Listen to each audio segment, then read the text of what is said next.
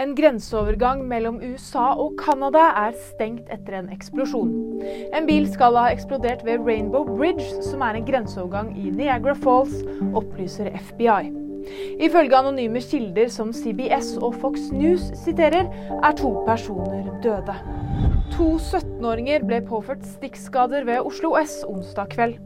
Ifølge politiet er den ene av de to alvorlig skadet, og i en X-oppdatering litt over klokken halv ti skriver politiet at en person er pågrepet i saken, men at de foreløpig ikke har noen kommentar på hva som ligger til grunn for hendelsen. Programleder Marte Brattberg er gravid.